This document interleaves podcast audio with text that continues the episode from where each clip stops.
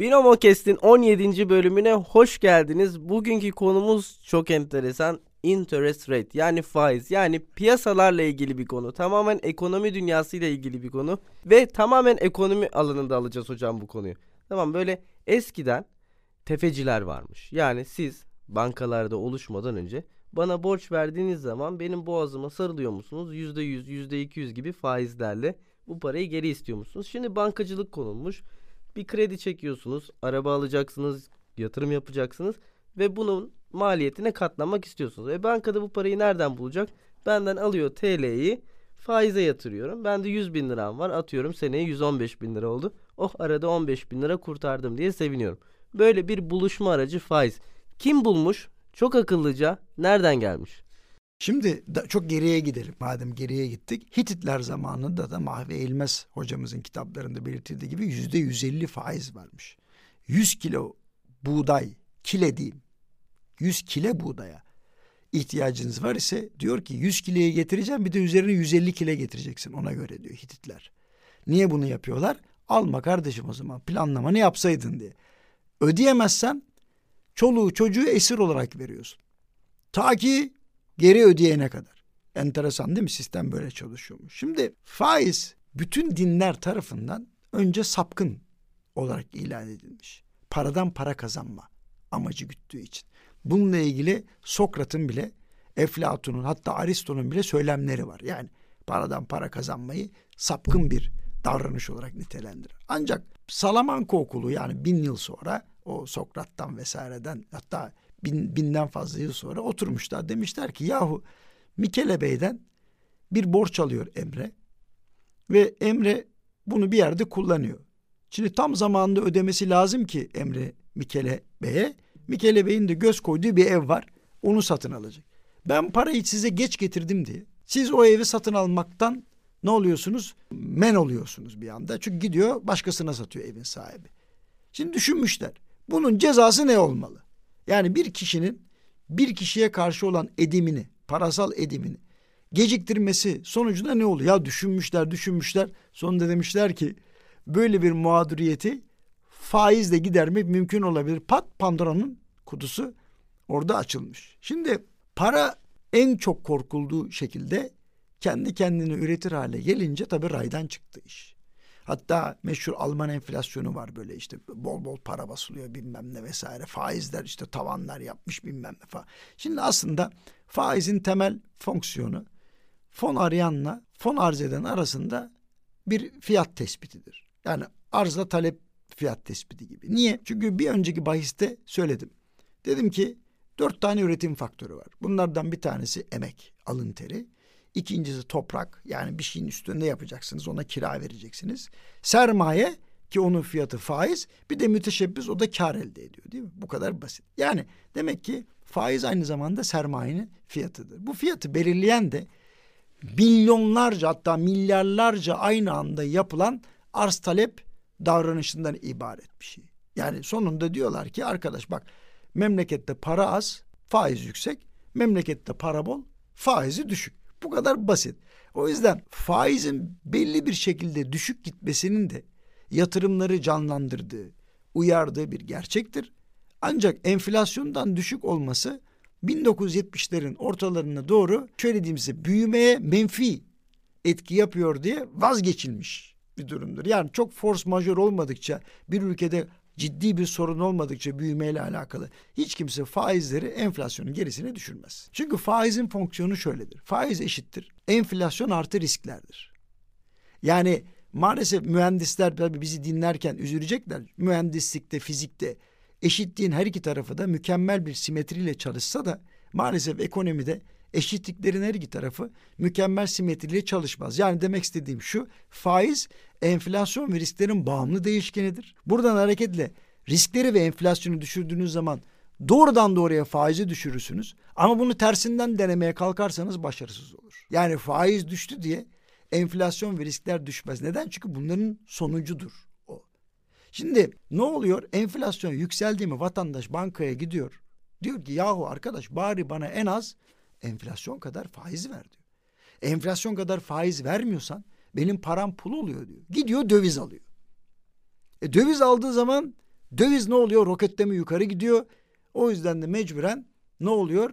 Ya biz vatandaşı bari döviz artışlarına karşı koruyalım diye enstrüman üretmek zorunda kalıyorsunuz. Bunu niye yapıyorsunuz? Vatandaşa güven vermek amacıyla yapıyorsunuz. Ha. Demek ki güvenin olduğu yerde faizler düşük. Güvenin olmadığı yerde de faizler, Faizler yüksek. yüksek. Çünkü güvenin olmadığı yerde risk yüksek. Güvensizlik varsa mutlaka orada bir enflasyon da vardır. Ufak ufak böyle fokur fokur kaynıyordur, yukarı doğru gidiyor. Bana şu soruyu sorabilirler. Ya arkadaş, Amerika'da da faizler enflasyondan düşük değil mi?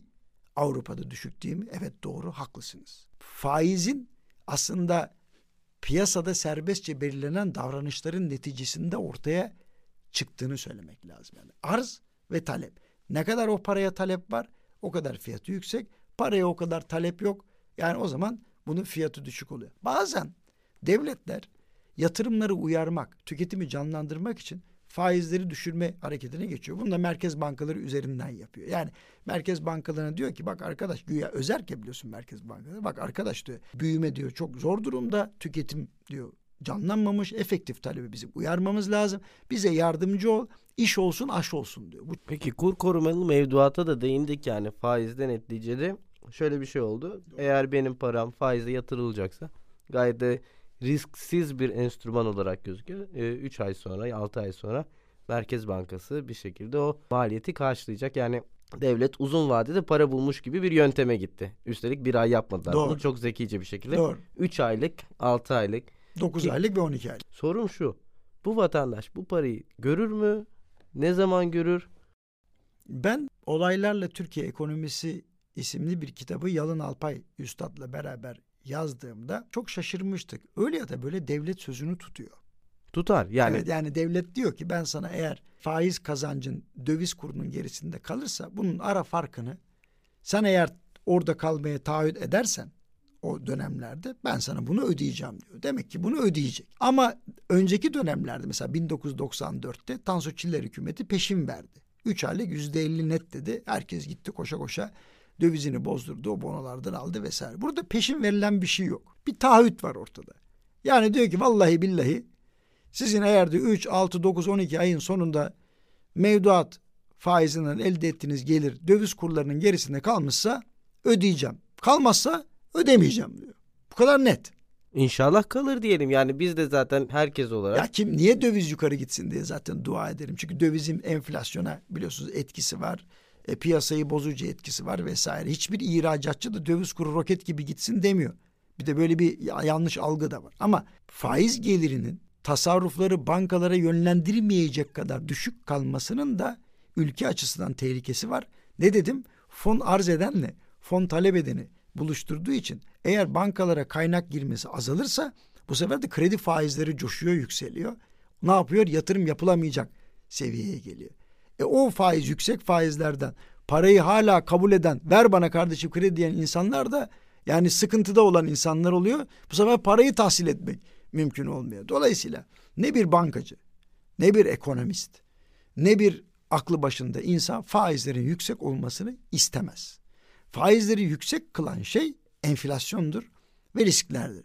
Ha bunları nasıl diyeyim önlemeden yani enflasyonu düşürmeden, riskleri azaltmadan ben faizleri indireceğim falan diye böyle bir hamle yaptığınız andan itibaren dışarıdan bakan için ya arkadaş hani mantıklı işler olmuyor galiba burada gibi bir intiba oluşuyor. Bu sefer de para girişi duruyor. Mesela ard arda alınan kararların yatırımcıya, vatandaşa, yabancıya, yerliye herkese güven veriyor olması lazım ki insanlar gönül rahatlığıyla paralarını getirsinler. Türkiye Cumhuriyeti'nin varlıklarına yatırsınlar. İster yatırım yapsınlar, ister gayrimenkul alsınlar, ister başka bir şey yapsınlar. O yüzden Ay- Ayşe'nin, Fatma'nın, Ahmet'in, Mehmet'in tasarrufuyla yatırım olmadığı için Barbara'nın, Alex'in, işte Körfez'deki arkadaşın vesaire onların parası lazım olduğu için bizim sürekli yerli ve yabancı yatırımcıya güven veren bir hale gelmemiz lazım. Bunun nihayetinde eğer yerli tasarruflarda yatırımlara kaynak olacak şekilde büyürse o muhteşem olur. Onu bir türlü başaramadık. Yani vatandaşın tasarrufunun Türkiye'deki yatırımlara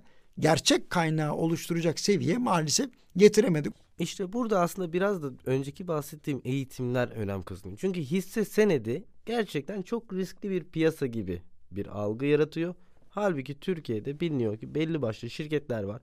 Atıyorum tamam en büyüklerinden söyleyeyim. Koç grubunun, Sabancı grubunun devasa şirketleri var ve şu, o şirketlerin zaten batması demek Türkiye'nin otomatik olarak %50'ye Allah korusun, için tabii. batması demek oluyor.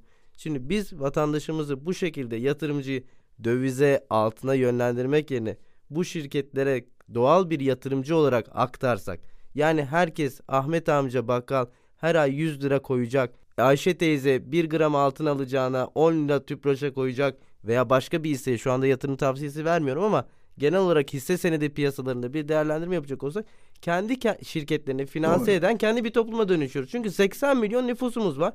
80 milyon nüfusumuzun kadın 40 milyon diyelim ortalaması. Bir bakarsak bütün bankalar açsın istatistiklerini söylesin. Mevduatın ne kadarı erkek ne kadarı kadın. Yüzde yüz. Ancak bunun içinde hükümet politikalarının vatandaşa güven veriyor olması gerekiyor. 2012 yılında borsa endeksinin döviz cinsinden karşılığıyla bugünkü karşılığını karşılaştırdığımızda maalesef normal bir vatandaşın dövizi kenarda tutup kazandığı paradan daha geride olduğunu görebiliyoruz. Şimdi bunu anlatmak sebebim şu. Döviz kurunun istikrarı zorla olan bir şeydi. Sadece ekonomik de değil. 2002 ile 2013 arasında faizlerin düşük, döviz kurunun da sakin seyretmesinin birkaç sebebi vardı. Bunlardan bir tanesi diplomatik olarak herkesle iyi geçinen, komşularıyla iyi geçinen, Avrupa ile iyi geçinen, etraflı iyi geçinen bir Türkiye vardı ve bunu tavırlı bir şekilde yapıyordu, güçlüydü. İkincisi iç siyasette bir sıkıntı yoktu. Hatta şöyle diyeyim adalet ve özgürlükler konusunda atılan adımlar vardı. Bunun yanına da bankacılık reformu gibi, vergi reformu gibi daha önceden çok konuşulan ama bir türlü gerçekleşmemiş güzellikler yapılıyordu. Şimdi bunlar yan yana gelince ne oldu? Ülkeye para yağmaya başladı. Yatırımlar arttı. Faizler düşük kaldı. Biz böyle bir rüya gibi bir 10-11 yıl geçirdik. Bir anda yani söylediğim size bir buçuk liradan döviz kuru gitti 18 liraya kadar yürüdü değil mi? 10-12 yıl içerisinde. Ve insanlar ne kazandıysa geri vermeye başladılar. Neyse ki müdahale geldi doğru yerde. En en kritik yerde müdahale geldi.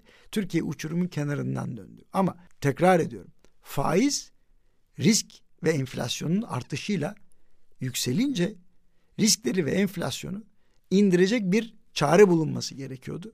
Bir kısım bulundu ama ortaya çıkan çare hastayı ameliyata almadan evvel verilen ilaç gibi.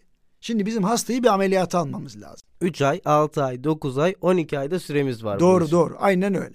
Aynen öyle. Bu süreyi eğer biz kazasız belasız tamamlarsak hastada doğru şekilde ameliyat edilirse ortaya çıkan sorunların sebebi iyi araştırılır ve bunlar çözülürse Türkiye'nin önü her zaman açıktır. Türkiye gerçekten büyük bir potansiyel vaat eder. Hani sürekli bu söyleniyor ama sadece potansiyel vaat eden bir ülke olmaktan çok potansiyelini gerçekleştiren ülke olarak bence gelecekte yıldızı parlayacak. Peki son bir sorum var bu konuyla ilgili bölümü kapatmadan önce. Bir de şu algı var ya bir rekabet var. Neticede bütün ülkelerin ekonomisi birbiriyle rekabet ediyor. Tabii o diyorlar ki biz fırsat veriyoruz demek ki biz kendi kırılganlıklarımızı çözelim derler. Çok güzel diyorum. Binomo Kest'in son bölümüyle veda ediyoruz artık. Arkadaşlar doğru yatırımların, doğru ekonomik hamlelerin olduğu bir Türkiye diliyoruz. İyi yatırımlar, hepinize iyi dinlemeler diliyoruz. Kendinize iyi bakın. Teşekkürler hocam. Teşekkürler.